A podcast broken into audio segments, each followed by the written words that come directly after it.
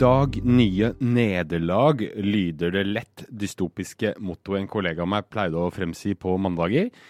Eh, Det ble sagt med et skjevt smil om munnen, men likevel, livet som forelder kan jo føles nettopp slik av og til, i hvert fall. Man har en idé om hva slags mamma eller pappa man selv vil være, og hva man vil oppnå for barnet da. Og så jobber man hardt for det, og sliter og strever, og så går det bare ikke. Spørsmålet i dag, Hedvig, er derfor dette. Hva er egentlig bra nok? Og hvorfor er det et bra spørsmål? Det er et bra spørsmål fordi vi vet at barn som går for lut og kaldt vann, tar skade. Eh, Men vi vet også det motsatte. At barn som eh, lever i en overbeskyttet, perfekt verden med foreldre som oppfører seg som plastdokker, de gjør det heller ikke særlig bra. Barn trenger å leve opp i noen ting som er, eller vokse opp i noen ting som føles ekte, trygt og nært, og der inngår det også en del feil. Så hva er da godt nok? Det skal vi prøve å finne ut av litt i dag. Eh, Mange har prøvd å fange essensen eh, av tidsånden og tiden vi lever i, og sette et slags stempel eller kallenavn på den. Mitt forslag i dag er at vi lever i selvpiskingens tid. Er det noe i det, eller er det bare sprøyt? Ja, nå eh, Sprøyt? Jeg tror nok at det er riktig at det er mye selvpisking, men det er også mye drømmer. Eh, Så jeg hadde kanskje kan sagt at vi lever litt i drømmenes tid. Vi ønsker oss mye, og vi har jo også mer muligheter til å få mye eh, enn det noen generasjon før oss har fått. Eh, Og det den der ønsket om å komme til øverste hylle, at det skal være så veldig vakkert hele tiden. Eh, At det skal være så veldig bra, at feriene skal være så utrolig fantastiske. Altså, dette gjør noen ting med hva du kjenner når det er som det er. Altså at det er eh, tannkremsprut å vaske bort fra speilet hele tiden. At det er klissete hender som har tatt det overalt. At den hvite sofaen absolutt ikke er hvit lenger, og at barnet ditt gråter når du hadde tenkt at det skulle sett annerledes ut. Jeg tror nok du har rett i at det fører til mye fortvilelse. Mm, for gapet mellom det man ønsker å oppnå og det man faktisk er i stand til, blir stort, da. Ja, det kjennes ut som det er ganske stor avstand mellom picture perfect og, og virkelighet eh, noen ganger. Og det spennet, eh, det er ganske interessant, fordi at når Spesielt hvis du driver mye med den der overflatefremstillingen, altså at du viser frem din perfekte familie, snakker om din perfekte familie, eh, prøver å leve det perfekte livet, og så er det jo ikke sånn hele tiden. De blir sjuke. Eh, de blir grinete, de blir eh, slitne og sultne. Da blir det spennet lager rett og slett en form for angst. Men hvorfor er det blitt slik, da? Jeg må si at Mekanismen at det har blitt slik, er nok fra tidenes morgen. Men muligheten til å fremstille seg selv og muligheten til å eh, tenke seg det perfekte, er nok større nå enn før. Men hvorfor det? Fordi vi har så fantastisk gode sosiale medier, hvor du kan eh, både legge ut dine egne picture perfect-bilder og se på andres. Eh, og fordi vi også har mer ressurser, sånn at vi har mer penger, mer tid å bruke på våre egne barns barndom. Det å lage den perfekte barndommen er blitt mer innenfor rekkevidde for Mm. flere. Eh, fordi det er nå engang slik at må du rett og slett eh, få penger nok til mat, så er det jo der du ligger og strever. Eh, men nå har vi penger nok til mat. Så er det vel også sånn at folk eh, Eller har jeg, har jeg inntrykk av eh, leser mer, de tilegner seg mer kunnskap fra ulike bøker, ulike typer kilder på internett, eh, kanskje TV-programmer, hva som helst. Eh, slik at man skaper seg en sånn derre Altså, noen sier du skal gjøre det, noen sier du skal gjøre det, for, å, for at barnet skal på en måte bli skrudd riktig. Og så blir man bare helt forvirra og fortvila og, føler man ikke får det til. Ja, og dette er kanskje litt paradoksalt å si for, eh, for oss som sitter her og, eh, og lager podkast om barneoppdragelse og eh, skriver bøker og, og, og spalter om det. Men det hender at jeg blir så inderlig lei av alt psykobabbel ute i samfunnet. Jeg blir så inderlig lei av at alt skal psykologiseres, alt skal forstås, alt skal gjøres til noe annet enn det det er. Eh, barnet lærer seg eh, styrke, lærer seg livsvisdom, lærer seg å, å bli sterk av å leve sammen med sine voksne, av å leve sammen med, med sine nære. Og da må det også være litt eh, nederlag og litt eh, skrubbsår og litt eh, ting som går galt, for at de skal lære seg å håndtere disse tingene, lære seg å komme seg dit. Så jeg tror at det er så klikkbart, dette her med hvilke metoder skal jeg bruke for å løse søvnproblemet, hvilken metode skal jeg bruke for å løse trassalderen, hvilken metode skal jeg bruke for å få barnet til å gjøre lekser. Altså det er klikkbart, og det er lesbart. Eh, og vi må kanskje ha den spissingen, men for barnas del tror jeg ikke det er så bra. Fordi barn kan ikke behandles som et problem som skal løses, og vi kan ikke leve sammen etter en metode. Ja, men vi vil gjerne ha oppskrifter. Vi vil så gjerne ha oppskrifter, og det tror jeg gjør oss dummere enn vi egentlig er. Ok. Ja. Eh, fordi, altså Tenk på det selv hvis du hadde sagt til kjæresten din at du, nå har jeg lest en ny metode for hvordan man skal leve sammen som kjærester. Og en av de tingene jeg har lest der, det er at når du har gjort noe bra, så skal jeg eh, hva da? Gi deg en muffin, f.eks.? Ja. Eh, som Eller eh, Pain au chocolat. A Pain au chocolat. Det er det hun er glad i. Mm -hmm. eh, og så sier hun ja, det høres bra ut, eh, men det er klart hun kommer til å være kjempelei av pain au chocolat. Og det som før var en treat og en hyggelig ting som skjedde mellom dere to, er blitt noen ting statisk, noen ting som ikke betyr noen ting. Det smaker ikke like godt lenger. For ingenting smaker like godt når du tar bort ektheten, når du tar bort eh, den der eh, deg og meg-dimensjonen. Og det er problemet med mange av metodene vi har. De tar bort deg og meg, de tar bort det nære, de tar bort det som gjør at det å leve sammen er meningsfylt. For ingen lever for power sjokolade. Man har vel også en tendens til å sammenligne seg med andre, naturlig nok. Uh, og da blir det uh, alltid uh, et mål om å bli, om ikke bedre, så i hvert fall minst like god som naboen, eller som de andre i klassen, eller hva det nå måtte være. Er, ikke det, er det ikke litt sånn nå? Jo da, men det som er interessant, er at hjernen vår er laget for å sammenligne oss med en liten gruppe våre nærmeste. Aha, ja. Eh, så hjernen vår er laget for å gjøre valg og gjøre sammenligninger i en gruppe på sånn åtte til tolv. Eh, og noen ting har jo skjedd der, for nå kan vi sammenligne oss med våre 2000 nærmeste. Mm, eh, og det, det, gjør at det koker litt over, rett og slett. Så sammenligning i seg selv er nok sånn vi er laget for å se. Vi er laget for å se og se hvordan gjør hun det. Men vi er ikke laget for å heve blikket og se hvordan gjør de 2000 der ute det. Mm. Eh, det blir rett og slett for mye. Mm. Eh, og når det blir for mye, så, så, igjen blir det litt meltdown. Rett og slett. OK. Vi tar som premiss her at det perfekte ikke er oppnåelig. Så hva er bra nok for barna? Og barnas beste, som det populært heter.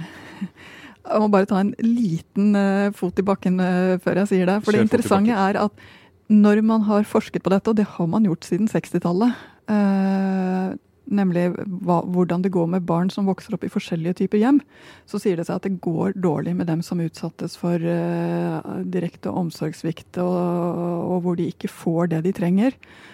Eh, og hvor de ikke blir forstått og ikke hører til. Eh, det skulle bare mangle.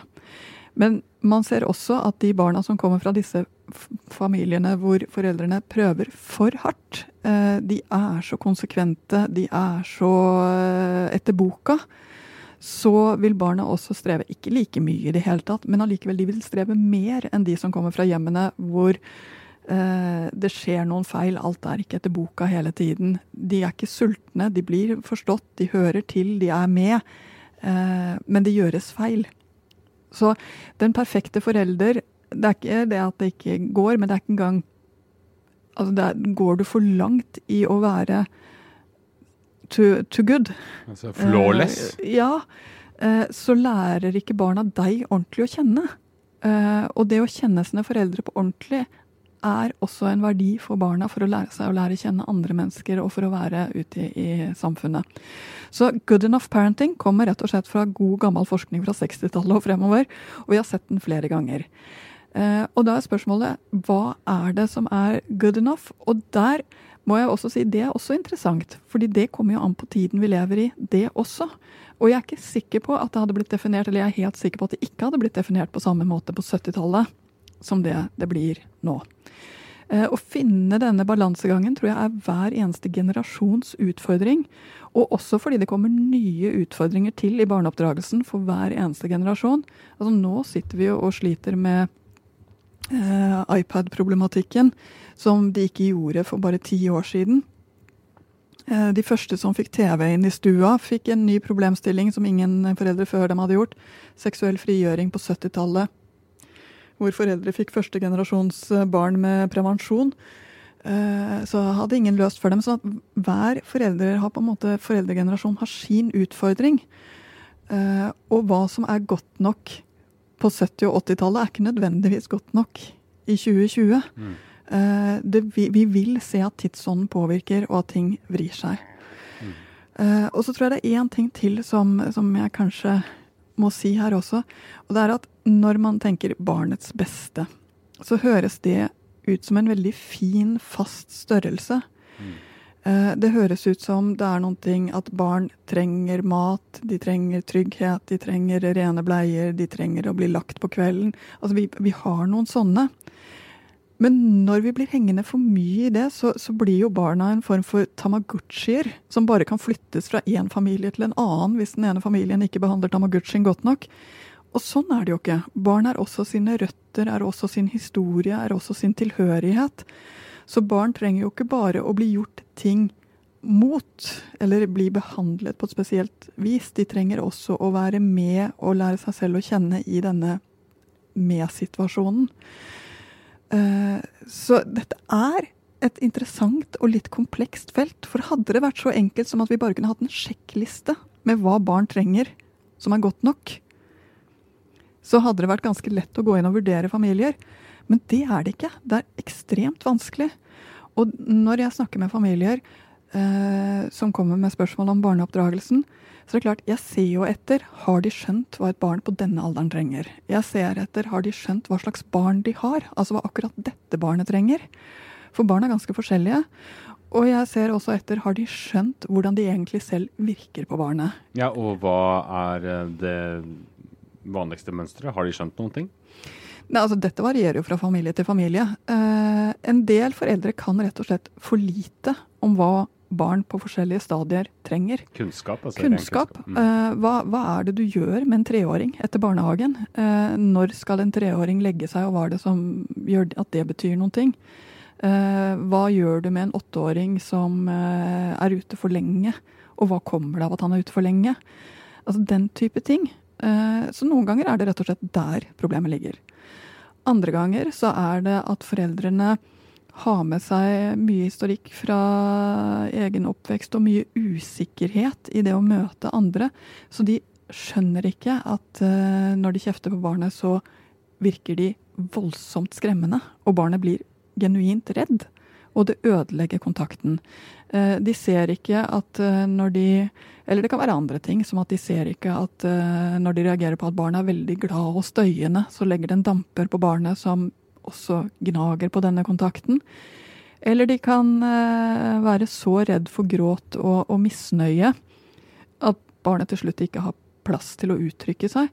Så det kan være forskjellige ting hvor foreldre ikke ser hva de selv bidrar med inn i barneoppdragelsen, og hvor vi må jobbe med det.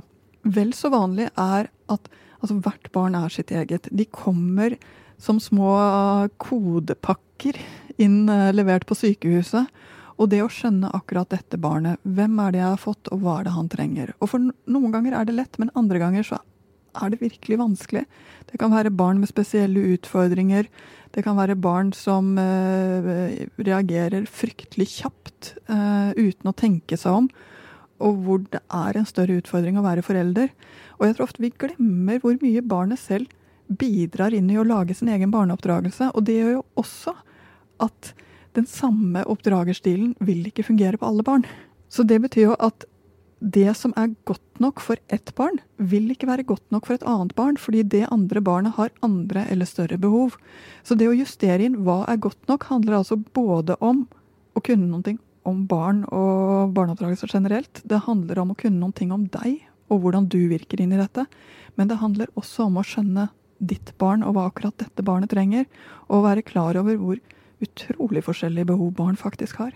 Ok, men eh, la oss si at noen her følte seg litt truffet av det vi snakka om innledningsvis. Dette er jaget etter at barnet skal bli velpresterende, at dere skal ha eh, idylliske bakesøndager, at uh, livet skal være som en blomstereng duftende av timotei. Og så, OK, vi får kanskje justere oss ned noen hakk. La oss si, da, vi skal bare være akkurat bra nok hva gjør man da? Det å være bra nok tenker jeg er å se på hvilke ressurser har vi. Hva er det rimelig å få til på en søndag hjemme hos oss? Eh, og med de to barna vi har akkurat nå i barnehagealder, så er det kanskje nok å gå for bakingen. Vi dropper det besøket til eh, bestemor eller hva det kan være. Rett og slett å se hvor mye ressurser har vi å bruke, og hvordan skal vi bruke dem. Eh, så det ene er rett og slett gjør mindre Det er veldig ofte eh, et standardråd. Mange har for høye ambisjoner om hva de skal rekke eller få til i løpet av en helg eller en søndag. Det andre det er ja, så ble det ikke så hyggelig med den bakingen. Og vet du hva? Det gjør ingenting. For kanskje blir det hyggelig på lesestunden på kvelden allikevel. Eh, eller det ble ikke akkurat sånn som vi hadde sett for oss da vi var på det besøket. Men så var bilturen til eller fra veldig fin. Jeg tror noe av kunsten med å leve lykkelig eh, med barn, er å, å, smile i de øyeblikkene hvor du går bak barnet ditt og ser at hun koser seg. Og så tenker jeg nå koser hun seg skikkelig. Klarer du å dele de der øyeblikkene med barna, og klarer du å virkelig kjenne så deilig å se, så plager det deg faktisk mindre at den bakestøden ble sjokoladekliss utover tre fjerdedeler av leiligheten. Ja, for jeg kan av og til tenke at eh, nå, nå, har jeg gode planer her. Dette her skal bli Vi skal prøve oss på skøytebanen. Det, det, skal bli smil og latter når man faller på rumpa. Og så blir det jo det stikk motsatte. Og da blir jeg litt sånn eh, skuffa. Mm. Og det er kanskje det man ikke bør eh, bli for ofte. Fordi det er, eh, det er ikke gitt at sånn som man har tenkt at det skal bli oppi eget hode, faktisk blir utfallet. Det er ingen aktivitet som er så fort unnagjort som en tur på skøytebanen. det er blitt kaldt og vondt i føttene omtrent før man har fått på seg skøytene. Og hva er det for noe å gjøre da? Vel, det er stort sett å holde ut bitte lite grann til for å se om det blir gøy igjen, og svaret på det er nesten alltid nei, og så er det å gå og drikke kakao. Bra. Altså, ta vare på de stundene som faktisk blir bra, er det sånn jeg, jeg forstår deg, og ikke fokuser på de, de, som ikke ble sånn som du hadde tenkt. Eh, det, hva, hva, andre ting tenker du skal til for at barn skal liksom ha det bra i en uh, familie, og derved kan man tenke at det man gjør er bra nok? Altså, det ene er at ditt voksenansvar, jeg er klar over at ditt voksenansvar er veldig mye å lage rytme. Eh, det er å ha mat til riktig tid, hviler til riktig tid, eh, at barna kommer seg ut og ikke blir sittende for lenge inne. Uh, I helgene, f.eks. Det er å lage den der dynamikken som gjør at det kan bli en noenlunde ålreit dag. Når du har gjort det, så skal du nettopp kose deg med det som fungerer, og gå litt videre fra det som ikke fungerer. Og du skal forvente at noen ting ikke kommer til å fungere. Noen ting kommer ikke til å bli sånn som du hadde sett for deg. Og kanskje er det noe fint i det også. OK, så har barnet lært én ting. Det går an å ha det litt kjipt, og så blir det hyggelig etterpå allikevel. Og det er det også fin lærdom i. Mm.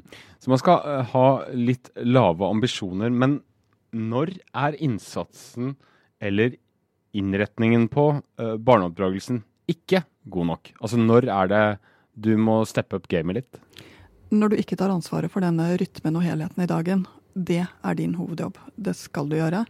Det andre som ikke er bra nok, er når barnet er øh, føler seg forvirret, redd, vet ikke hva du vil.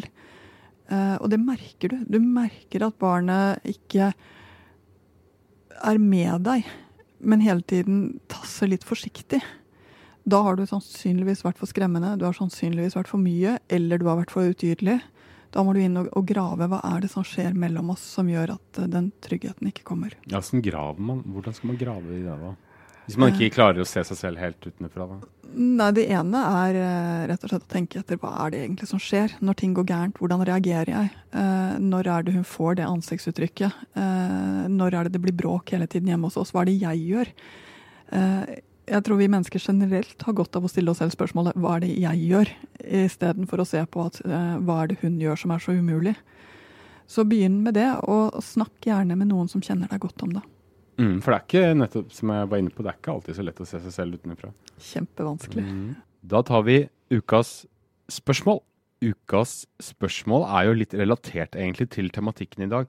Det var en, eh, en eh, mail vi fikk av en eh, lytter og, som ba oss også legge ut dette spørsmålet anonymt i foreldrekodengruppa. og Der fikk hun veldig mange innspill. men det som hun er opptatt av, er at hun selv ble oppdratt ganske strengt da hun var liten hun en, en, av foreldrene, la oss si Hen, ble ofte veldig sint i blikket, brukte en krass tone og kjefta ganske mye. Og kjeftingen foregikk, skriver hun, ikke høylytt eller på en skremmende måte, men ofte og krast. Og hun antar da at det var uh, slik man gjorde på den tiden, og ikke sånn hun vil gjøre overfor sine egne barn. Likevel merker hun at nå når hun har små barn selv, så gjør hun det på samme måte. Og Det hun lurer på, er hvordan skal hun bryte det hun kaller for en sosial arv fra egne foreldre? Jeg tror alle kjenner seg igjen i det hun beskriver, på et eller annet vis.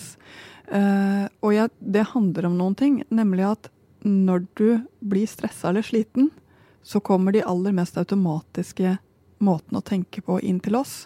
Og de automatiske måtene å tenke på og handle på, de har vi fra vi selv var i akkurat denne alderen. Så mange har stått der med barn i eh, gangen og skullet ut, og kjent at det er eh, ansiktet til mamma eller pappa som bare bryter igjennom eh, når du snakker. Og at det er forferdelig vondt. Altså det er forferdelig vondt, For når hun har kommet så langt. Hun har jo virkelig kommet så langt. Hun har kommet til det punktet hvor hun sier 'jeg vil være bedre' enn mine egne foreldre. Hun har kommet til det punktet hvor hun sier 'jeg vil gi noe annet til mine barn' enn det jeg fikk, som jeg kjente var som å bli stukket av en sånn kritisk nål gang på gang på gang, som gjorde at jeg dukket meg, dempet meg, ble mindre av det treet eller den blomsten jeg kunne ha vært. Så hun har kommet så kjempelangt i å se noen ting, og det hun har sett, er jo så fint. Når hun kommer i de mest pressede situasjonene, så skjønner hun at det ikke er nok å se, og hvor vanskelig dette er i praksis. Så jeg vil for det første må jeg bare si er, jeg vil gi henne så mye kred for å ha kommet så langt i måten å tenke om dette her. Eh, og så tenker jeg at når det skjer, så skjer det. Men etter at det har skjedd, så skal hun ta og skrive ned i den lille boka si som hun eh, må skaffe seg. Hva var det som skjedde i stad i gangen? Jo, det og det gjorde at jeg ble så utålmodig. Hvordan reagerte jeg da jeg ble så utålmodig? Jo, jeg mm -hmm, kom med de der korte, små stikkene, misnøyestikkene, som ingen ettåring eller treåring har noen nytte av. Hva skulle jeg ønske at jeg hadde gjort istedenfor? Jeg skulle ønske at jeg hadde tenkt noen ting à la OK, dette kommer til å ta litt lengre tid. Eh, jeg får bare ta i ett og ett barn og, komme, sånn at vi kommer oss ut. Vær litt presis på hvor det er du vil henne. fordi neste gang da, så er det sannsynlig at du gjør litt mer av det. Litt mer av det du, du helt sånn nedpå hånde- og fotnivå har sett for deg. Mye av problemet med det som skjer, er at vi lager oss de store bildene, mens vi glemmer å trekke dem ned, helt ned i dette her knytte sko-nivået, som er der hvor det ofte rakner. Så jeg syns hun har kommet kjempelangt i å se noen ting, i å begynne å gjøre noen ting. Og jeg tror at hun bare skal fortsette litt til i å se hvor er det jeg vil, hva er det jeg vil få til akkurat i den type situasjoner. Og så tror jeg det er én ting til. Jeg tror at alle foreldre kan bli litt bedre, og bør bli litt bedre enn sine egne. Det er et mål for oss, rett og slett. Men merk at jeg sier litt bedre. Eh, jeg tror ikke at man kan kaste alt over bord. Og noen ting av det du har, er også veldig fint. Se også på det du vil ta vare på. Se også det som gjør at du faktisk har kommet til den erkjennelsen. Eh, det er få ting jeg ser mer av enn foreldre som endrer seg, blir mykere, blir mer fleksible, blir mindre av den eh, harde oppdragelsen de selv fikk, når de begynner å jobbe med dette her over litt tid. Men for å skyte inn et lite oppfølgingsspørsmål. altså De gangene det ofte koker over, er jo på de bitte små bagatellene. som på en måte får eh, begeret til å renne over. Har du noen tips til hva man liksom skal gå inn og gjøre der og da, når man merker at nå snapper det for meg snart? Ta en timeout selv. Tenk at, eh, men nå må jeg bare si Hun har ganske små barn, hvor innsender er, så det er lite hun kan gjøre i de situasjonene, annet enn å tenke 'nå er jeg der'. Eh, fordi de krever jo at hun er litt med dem hele tiden. Eh, så det er ikke akkurat sånn at hun kan gå ut og, ta seg en pust på altanen. Eh, hun er jo nødt til å være i den situasjonen på en helt annen måte fordi hun har tre barn i en veldig krevende alder. Men vær klar over én ting. Alle som har tre barn i alderen ett til fem år, vil oppleve slike situasjoner minst daglig, sannsynligvis flere ganger daglig. Det er den mest krevende og den mest pressende livsfasen vi er i nettopp når det kommer til dette. Men får du tak på dette nå, så er det lettere å vri det, kna det, fortsette med det, sånn at du på et eller annet tidspunkt klarer å komme nærmere og nærmere og lengre og lengre bort fra de små stikkene. Og du har heldigvis 20 år på deg til å få dette her i mål. Så man må bare identifisere at det nå kommer, og så prøver du å undertrykke det? Identifisere at det kommer, og så tenke dette er en slik situasjon, og så får du gjøre den beste ut av den. Ok. Da skal vi oppsummere litt, vi. Vi har snakka om kunsten, får vi si, kanskje, å være bra nok eh, i denne episoden her. Og Hedvig, hvis du skal gi tre tips da, til uh, hvordan man skal justere seg ned fra å jage det perfekte og jage harmonien og idyllen som kanskje ikke finnes, ned på et bra nok-nivå, hva skal folk eh, tenke på? Det ene er at dere er bra nok fordi det er dere som lever sammen. Så det å være dere på en best mulig måte er noe som dere må finne ut av. Det finnes ikke noen enkel oppskrift på det. Det andre det er at Nei, at ting går litt galt, er noe av det barn lærer mest av. Så det er helt i orden. Det gjør ingenting at det ikke ble sånn som du hadde sett for deg. Kanskje var det akkurat dette som var den læringen som skulle til nå. Og det tredje, det er kos deg med de øyeblikkene som virkelig er fine. Eh, vær mer opptatt av å se dem når de kommer, enn av, å, enn av å legge de store planene for dem. Vi runder av med dette. Sier takk for at du hører på. Anbefaler at du sender en mail til oss hvis det er noe du lurer på, eller har en eller annen reaksjon. Foreldrekoden er aftenposten.no. Meld deg også gjerne inn i denne veldig voldsomt voksende foreldrekoden-gruppa vår på Facebook. Der pågår det fine diskusjoner og diverse annet. Så takk for i dag, og ha det bra.